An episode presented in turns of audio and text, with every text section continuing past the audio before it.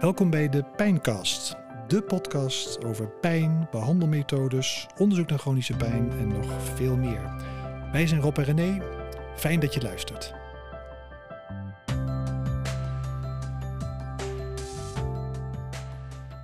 Welkom allemaal weer bij de vierde podcast alweer uit onze serie De Pijncast.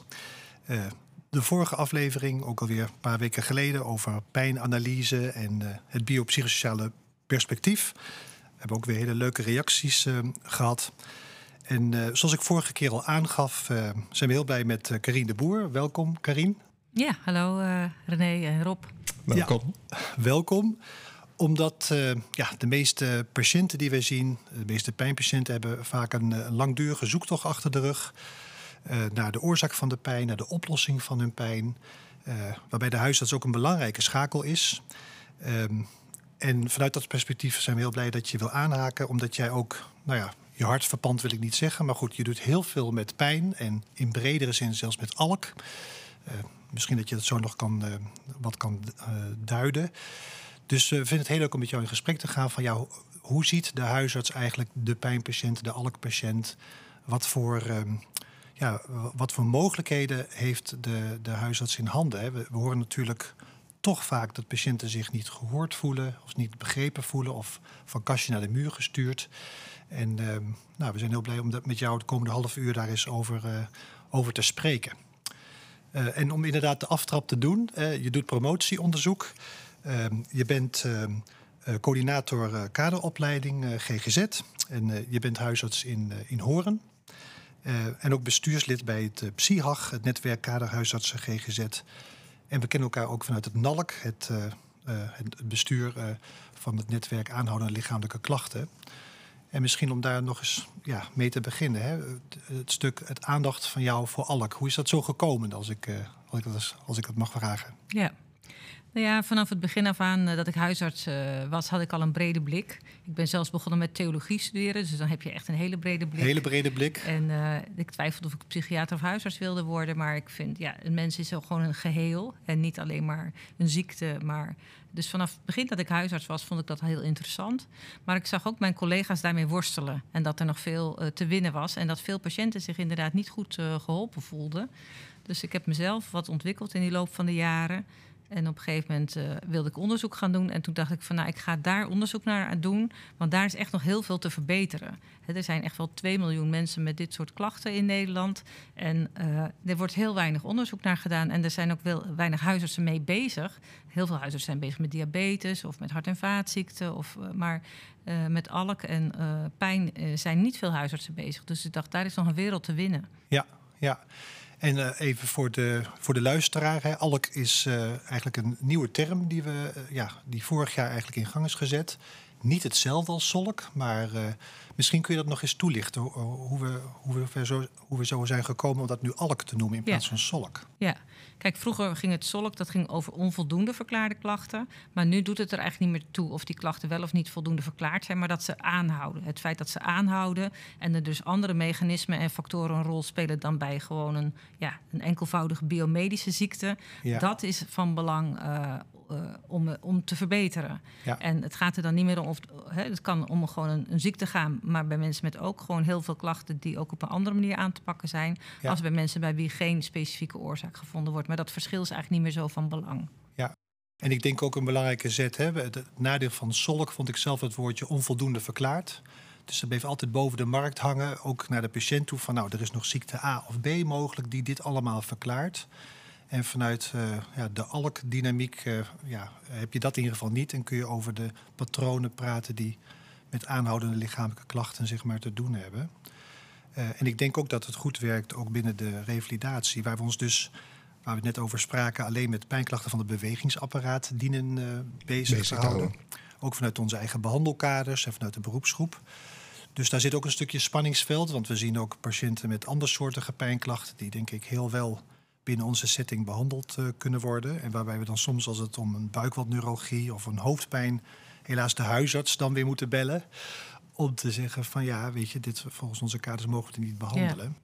Ja, dat is natuurlijk echt wel raar. Want je zou denken van alle klachten waarbij die biopsychosociale factoren een rol spelen, die zouden jullie kunnen behandelen. Ongeacht of dat pijn is. Bij, er is een enorm overlap tussen natuurlijk pijn en alk. Heel veel mensen met alk hebben ook pijn. En heel veel mensen met pijn hebben ook allerlei andere klachten. Ja. Nou, het is niet 100 procent. Uh, je hebt ook gewoon pijn, patiënten met heel veel klachten zonder pijn. En die zouden jullie dan weer niet mogen behandelen. En al helemaal niet als het niet van het bewegingsapparaat niet is. Niet van het bewegingsapparaat is. Ja, ja. ja.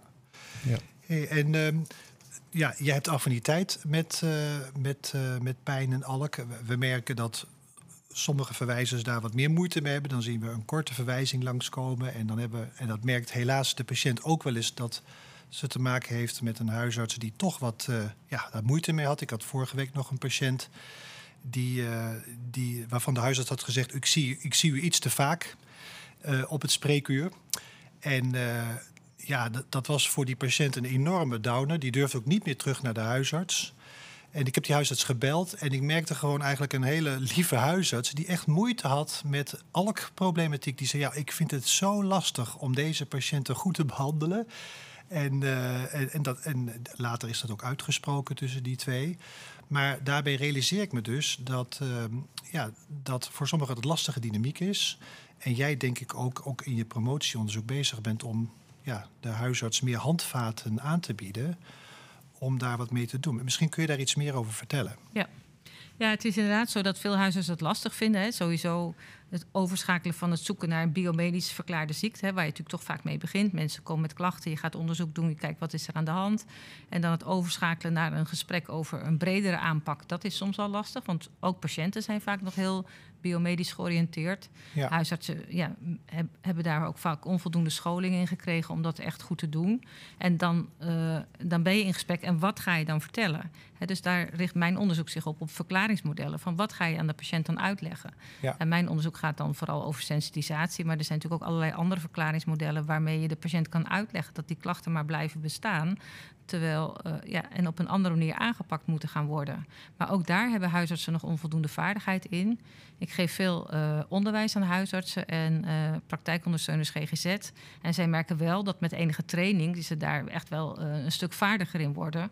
Ook al voelen ze in het begin soms wat oncomfortabel, omdat ze echt nieuwe dingen moeten gaan uitproberen. Maar de patiënt waardeert het vaak heel erg dat de dokter toch even de tijd en de moeite neemt om dingen uit te gaan leggen. Snapt het dan ook vaak veel beter. En ja, Huisartsen zijn vaak bang dat het ze te veel tijd gaat kosten. Maar die patiënten komen nu toch al op het spreekuur. En vaak nu zijn het onbevredigende consulten, waaraan aan het eind zowel de dokter als de patiënt ja, eigenlijk een beetje ervan baalt van dat er zo weinig is uitgekomen. En je kan die, die tijd op een veel nuttiger manier uh, uh, doen, dus ja. uh, besteden. Dus, ja. Maar huisartsen missen vaak nog de tools en daar is de, veel nascholing voor nodig. Zie je daar nu nou, wat perspectief of wat transitie, dat dat nu wat meer onder de aandacht komt? Of blijft het toch nog wat sprokkelwerk, als ik het zo mag noemen? Nou ja, een beetje ertussenin. He, dus ik, uh, ja, ik ga dan weer naar huisarts in Limburg. Ik ga naar huisarts in uh, Apeldoorn. Ik ben in Emmen geweest. maar het, het, is, het is het is nog wel een beetje zoeken. Het is nog wel een beetje zoeken. Het wordt nog niet door de grote groepen huisartsen omarmd, zeg maar. Dat ze zeggen van, oh, daar gaan we mee aan de slag. Maar huisartsen zijn wel ontevreden over hoe ze het nu doen. Hmm. En in de opleiding wordt daar voldoende aandacht aan besteed om, om deze dynamiek, de alkdynamiek, te behappen? Heb je, dat, heb je daar gevoel bij? Nou ja, het is, tien, het is een van de tien kerncompetenties van de huisartsopleiding. Dus je zou denken van wel. Maar in de praktijk, ook, ook dat valt dan nog wel eens toch een beetje tegen. Ik begeleid veel derdejaars AJOS van de huisartsgeneeskunde. En die hebben dan toch ook nog niet altijd even, even veel uh, geoefend en ervaring. Dus soms wel genoeg theorie, maar toch nog onvoldoende in de praktijk toegepast. Dus dat zou beter kunnen. Dus daar, uh, daar is men ook wel mee bezig om dat te verbeteren. En hoe zouden de huisartsen, de, de zittende huisartsen, die de opleiding al een tijdje hebben afgerond, hoe zouden die meer mee kunnen krijgen? Eh, heb je daar nog ideeën voor? Ja, ja, ik denk door ze te laten uh, te vertellen van, hè, dat, dat, het om veel patiënten gaat, dat die patiënten vaak veel last hebben. Ja. Hè, dus de kwaliteit van leven met mensen met ernstige alk is soms slechter dan van mensen met kanker. En ze worden ook nog niet uh, gewaardeerd. Hè. Ze krijgen niet de sociale steun eigenlijk die ze ja. zouden moeten hebben.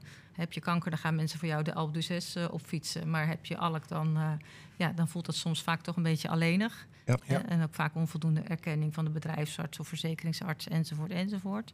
Dus, uh, uh, en dat het vaak twee tot drie jaar duurt voordat mensen daadwerkelijk aan de klachten gaan werken. Dus dat daar heel veel te winnen is. Als je dat huisarts dat vertelt, dan denk je, oh ja, ja, daar heb je eigenlijk wel gelijk in. En als je ze dan ook gewoon leert van hoe ze het wel kunnen doen en er meer lol in kunnen krijgen, ja, dan, dan, dan smaakt dat wel naar meer. Hè? Dan, ja. Uh, dan kan je ze daar wel enthousiast voor krijgen. Maar ja, de werkdruk bij huisartsen is wel heel is hoog. Heel hoog hè? Ja. En uh, grote tekorten en uh, grote druk.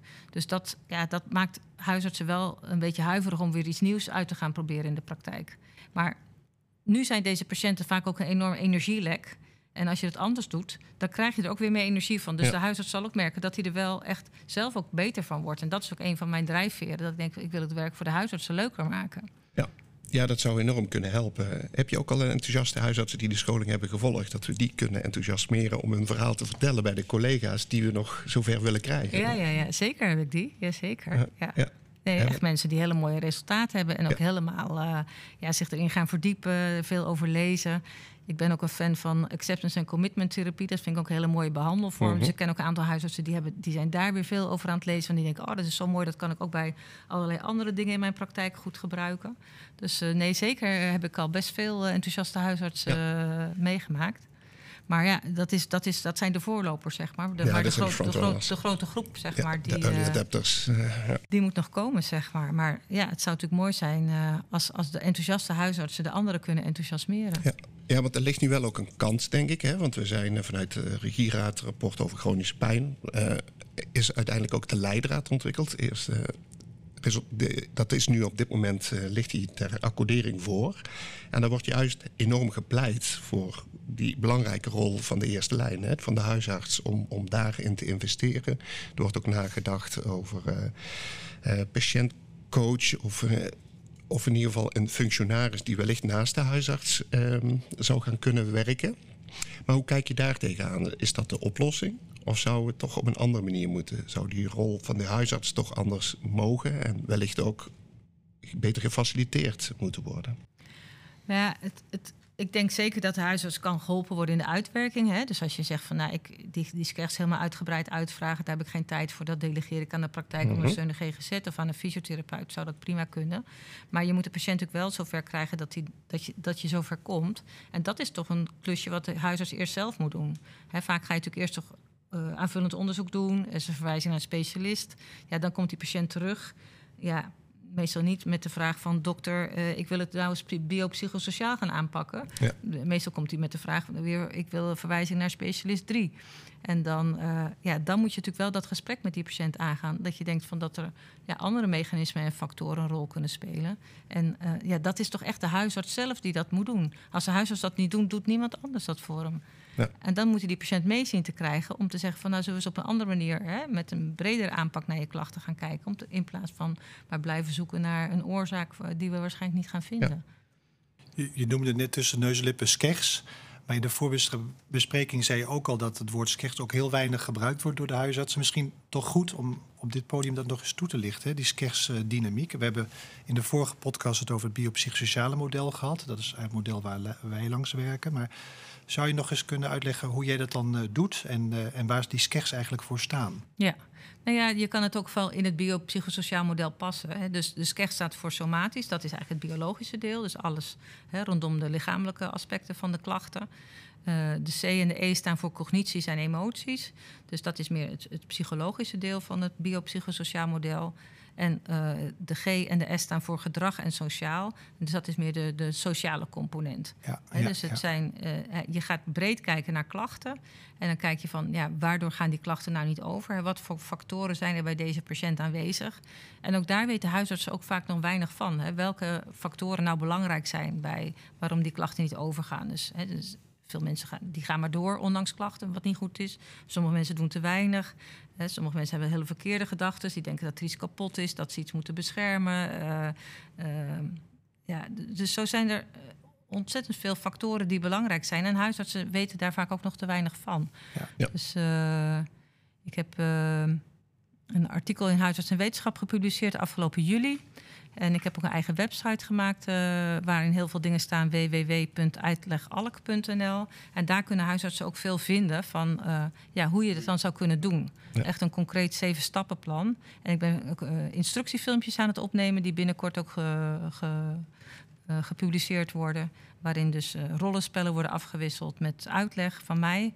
Dus ja, we proberen allerlei dingen ja. te doen om huisartsen daadwerkelijk aan het werk te krijgen om, om actie te ondernemen. Want nu staan die mensen in de kou. En ik hoor je eigenlijk ook zeggen dat niet alleen de levenskwaliteit van de patiënt daarmee stijgt, maar ook de levenskwaliteit van de huisarts. Ja. Als ja. die dat doorloopt en op die manier doet. Ja. Want op de foto die ongetwijfeld gemaakt zo meteen wordt, zie je dat we niet te maken hebben met drie uitgebluste patiënten die met een moeilijke patiëntengroep te maken heeft, maar daar eigenlijk ook wel kracht en plezier uit ontleent. En, en dat kan wel degelijk. Dat dus. kan wel degelijk, ja. Ja, en het is alleen nee, maar het mooi. wordt, het wordt echt een stuk leuker en je krijgt gewoon heel andere gesprekken. Hè, de patiënt komt dan met een klacht en zegt: Ja, zou dat nou bij mijn alk passen of zou het toch wat anders zijn? Hè, want ja, klachten veranderen natuurlijk steeds. En, uh, maar je krijgt een heel ander soort gesprek. Dat je denkt: Nou, dit past echt wel in je alkpatroon. Of dat je denkt: Nou, hmm, nee, dit vind ik toch ook raar. Weet je wel, gaan we toch weer even ja. verder kijken. Maar je, krijg, je, je, je, je bent veel meer op één lijn in plaats van dat je tegenover elkaar staat. Ja. Want vroeger was het toch vaak een beetje duwen trek. Die patiënt wil weer een verwijzing. Nou, en dan, nou, dan denkt die dokter, oké, okay, weet je wel, nou mooi, ben jij weer een tijdje weg. Ja, ja, dat, ja. Dat, die dynamiek is heel onplezierig voor beide. Ja, als je nu, hè, als je dit voorstelt, klinkt prachtig. Ja, ik hoop ook echt dat uh, dit verhaal weer mensen stimuleert om dit ook te gaan doen. Je hoort wel heel vaak, maar ik heb te weinig tijd hiervoor. Hoe zou je dan uh, zo'n huisarts willen adviseren? Uiteraard natuurlijk met scholing volgen. Maar als je dat in de praktijk wil gaan toepassen, kun je een indicatie geven hoe lang het ongeveer duurt dat je leert dit te gaan toepassen, moet je bijvoorbeeld een eerste consult een dubbel tijdslot pakken. Ja, sowieso is dat, uh, sowieso is dat verstandig om dat te doen. Dus uh, ja, de meeste huisartsen hebben tegenwoordig een kwartier, maar nog niet iedereen. Er zijn ook nog 10 minuten uh, praktijken. Dus je hebt zeker wel een dubbel consult nodig, want je wil ook, ook gewoon even, even de tijd nemen om die patiënt te laten vertellen. en ook het gevoel te geven dat je de tijd hebt, dat is ook belangrijk. Dus dus je, je, investeert in het begin wel één of twee dubbele consulten. Maar ja, uiteindelijk komt die patiënt daarna een heel stuk minder. He, dus ja, je moet die tijd wel even vinden om die investering te doen. Maar patiënten met alk en pijn komen ja, vaker dan anderen op het spreekuur. En uh, die tijd ben je uiteindelijk dan toch ook wel kwijt. Alleen dan ja, onbevredigender. Ja. Ja, dit is ook, vroeger werd dat ook al beschreven hè, met uh, psychosomatiek. Uh, dat je dan dubbele consulten, dat het uiteindelijk ook veel beter ja. werkte op de lange ja. termijn. Het is korte termijn investering voor lange termijn. Ja. ja. en het werkt natuurlijk niet bij iedereen. Hè, dus ja, ik heb zelf paar van die Afrikaanse vrouwen die toch heel moeilijk het allemaal. die blijven gewoon toch om medische verwijzingen vragen, ondanks alle goede uitleg. Dus je krijgt nooit 100%, maar een aanzienlijk deel van de patiënten, ik denk zeker wel drie kwart, die je daar hiermee echt goed kan helpen met goede uitleg geven dan, en verder helpen. Zou je voor mij nog eens kunnen uitleggen? Je hebt een praktijk in, in Horen. Hoe voor jou die stepped care er dan uitziet? Hoe doe je dat qua educatie en, en zwaarte van behandelingen? Met welke partijen werk je samen? Ja, nou ja, eigenlijk in de NHG-standaard voor huisartsen, de richtlijn, hebben ze het uh, over dat de huisarts de lichte en matige alk uh, behandelt. En de ernstige alk, dat is eigenlijk voor de tweede lijn en de revalidatie.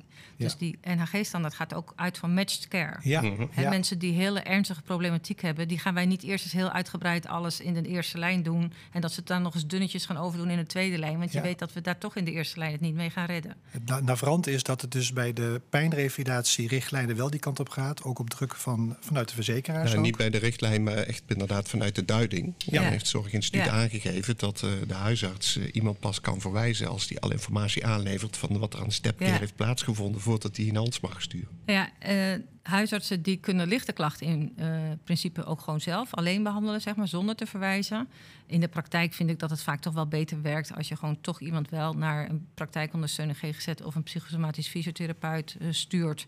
Omdat ja, mensen hebben soms toch een bepaalde gevoeligheid waardoor het blijft. Maar ja, een eerste keer doe je dat natuurlijk ook niet gelijk. Kan je gewoon zelf uitleg geven. En waar we het meeste uh, mee te maken hebben, zijn natuurlijk mensen met matig ernstige klachten. Dus dat zijn mensen die wat meerdere klachten hebben op verschillende systemen van het lichaam, die ook wat langer duren en wat meer dysfunctioneren geven. En uh, ja, die probeer je te motiveren om naar de praktijkondersteuner GGZ en een fysiotherapeut. Het liefst een psychosomatisch, maar als die er niet is, zijn er ook tal van andere therapeuten die zich hebben gespecialiseerd in bepaalde behandelingen. Um, eventueel een psycholoog, als er toch de patronen voor de uh, dysfunctionele patronen wat dieper liggen om, uh, of trauma. Uh, dus dat is eigenlijk wat je in de eerste lijn, waar je best ver mee kan komen. Ja. En ja, dan komt het ook nog wel eens voor dat, ja, dat mensen er dan toch nog niet zijn. en dat we ze dan alsnog moeten verwijzen voor, naar een specialistische behandelsetting. Maar dat komt ja, niet zo gek vaak voor. Vaak mensen met die lichte en matige klachten kunnen we toch eigenlijk heel goed in de eerste lijn behandelen. Maar wat we nu natuurlijk ook wel hebben, is veel mensen die gewoon eigenlijk te laat behandeld zijn en die ernstig zijn geworden in de loop van de tijd. Ja. En die moet je eigenlijk dan toch verwijzen naar specialistische behandelingen, want daar, daar kom je gewoon niet meer in. De, de, daar is te veel aan de hand, zeg maar. die moeten veel intensiever behandeld worden dan wat wij kunnen bieden. En waar wij vaak in de praktijk uh, waar ik werk tegenaan lopen met een uh, lage sociale populatie, is dat mensen niet verzekerd zijn voor fysiotherapie. Dus dat is lastig. Mensen met een gemeentepakket dan wel. Hè, dus mensen op bijstandsniveau, maar mensen die daar wat boven zitten niet. Dus dat is heel jammer dat je de, het lichaam dan eigenlijk niet goed mee kan nemen. Terwijl juist die geïntegreerde behandeling zo mooi is van en gesprekken met de praktijkondersteuner en die behandeling met fysio. Om ook het lijf aandacht te geven. Ja. Dus uh, dat is jammer. Ik, ik zou hopen dat uh, de zorgverzekeraars uh, fysiotherapie bij alle ook gewoon uit de basisverzekering zouden vergoeden. Net zoals bijvoorbeeld bij incontinentie of artrose het geval is. Ja. Maar dat, dat is nu nog niet het geval. Dat is niet aan de orde en dat is verdomd jammer. En je ziet dat daar de tweedeling, hè, de maatschappij alleen maar groter wordt. Ja. Want die mensen komen steeds verder in ja. de put. Ja, en dan, en dan verlies je het in de eerste lijn en dan moet je uiteindelijk doorsturen naar veel duurdere tweede lijn. Ja, en als dit ook nog doorgaat, dat idee dat wij echt de stepcare doorlopen moeten hebben, kun je deze mensen nooit een, eh, een eh, in tweede lijns of derde lijns behandeling aanbieden. Nee, want die hebben dan die fysiotherapie niet, gehad. Klopt. Ja. dus dat, dat is eigenlijk al een, een weeffout in de, in, uh, daarin. Ja. ja, dus we zullen deze podcast ook uh, doorsturen naar uh, ja, de beleidsmakers, denk ik. Hè? Lijkt mij heel belangrijk. Ja. Ja. ja, het is echt heel belangrijk dat die fysiotherapie vergoed zou worden. Ja. Ja. Uiteindelijk is daar ook enige terughoudendheid, omdat men, denk ik, bang is dat het zo'n grote groep betreft, eh, waardoor de kosten uit de pan zouden reizen. Maar mijn idee is toch, ja, beter eh, snel voorkomen en snel attackeren en snel bijsturen. Want, want hoe groot, als je nou een praktijk hebt hè, van misschien 2500 mensen, hoe groot is nou de populatie die je nou, in dit geval rondom pijn, klachten binnen zo'n praktijk hebt? Hoe, hoe, hoe vaak zie je nou zo'n ingewikkelde chronische pijnpatiënt? De, de prevalentie van ernstige ALK, zoals we dat dan noemen, is ongeveer 2,5% in de huisartsenpraktijk. 2,5%? Blijkt uit onderzoek. Dus van, als het 2500 patiënten zouden zijn, dan zouden dat er 100 zijn dan? Ja, ja 50, 60. 65. Ja. Oh ja, ja, ja 50. Ja. En dat voelt inderdaad een bepaalde groep die regelmatig terugkomt, langskomt. En die je eigenlijk in een, in een goede setting wilde behandelen. Ja, maar lang niet alle mensen willen dat nog. Hè? Of willen dat. Uh, we hebben natuurlijk ook een deel van de populatie die hebben veel klachten, maar die willen helemaal geen behandeling. Ja. Dus die mensen die, die denken van nou, ik, doe, ik deal er wel mee. En uh, uh, die, zien, die zien daar tegenop tegen allerlei afspraken en behandelingen. En ja, die, die kan je daar niet toe motiveren. En is uh, Zolkloket van de GGZ-instellingen, zijn dat, zijn dat ook ja, instellingen waar je gebruik van maakt? Of kies je dan toch vaker voor de revalidatie als het om pijn, pijnklachten betreft? Ja, dat hangt ook een beetje vanaf wat de wens is van de patiënt. Ik vind dat ze dat bij ons bij de GGZ eh, Noord-Holland-Noord heel goed doen. Dus ik stuur ze ook graag naar GGZ. Maar ja, daar hebben ze natuurlijk vooral aandacht voor het praten. Ja. en als, als je meer een geïntegreerde behandeling wil, dan stuur ik ze meer naar een revalidatieafdeling, zoals de afdeling in het ziekenhuis of, of het CIR.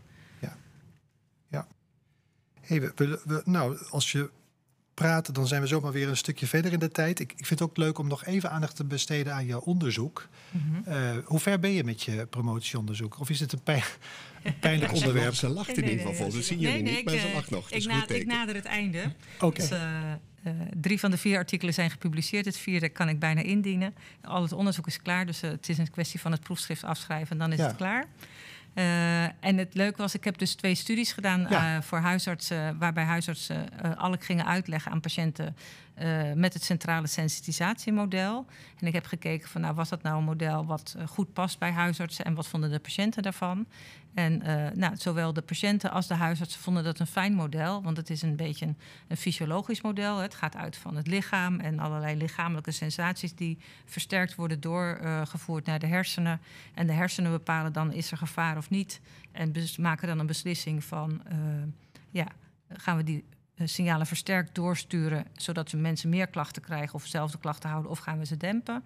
Nou, dat, uh, dat is een mooi mechanisme wat mensen ook wel begrijpen. En als je dan mensen vraagt van, nou, hoe zou, hè, zou het kunnen dat er ook uh, uw hoofd de signalen toch onvoldoende dempt, omdat ze toch gevaar is? Nou, dan, dan kom je daar vaak in mooie gesprekken met mensen en dan kom je daar ook echt wel verder mee. Ja.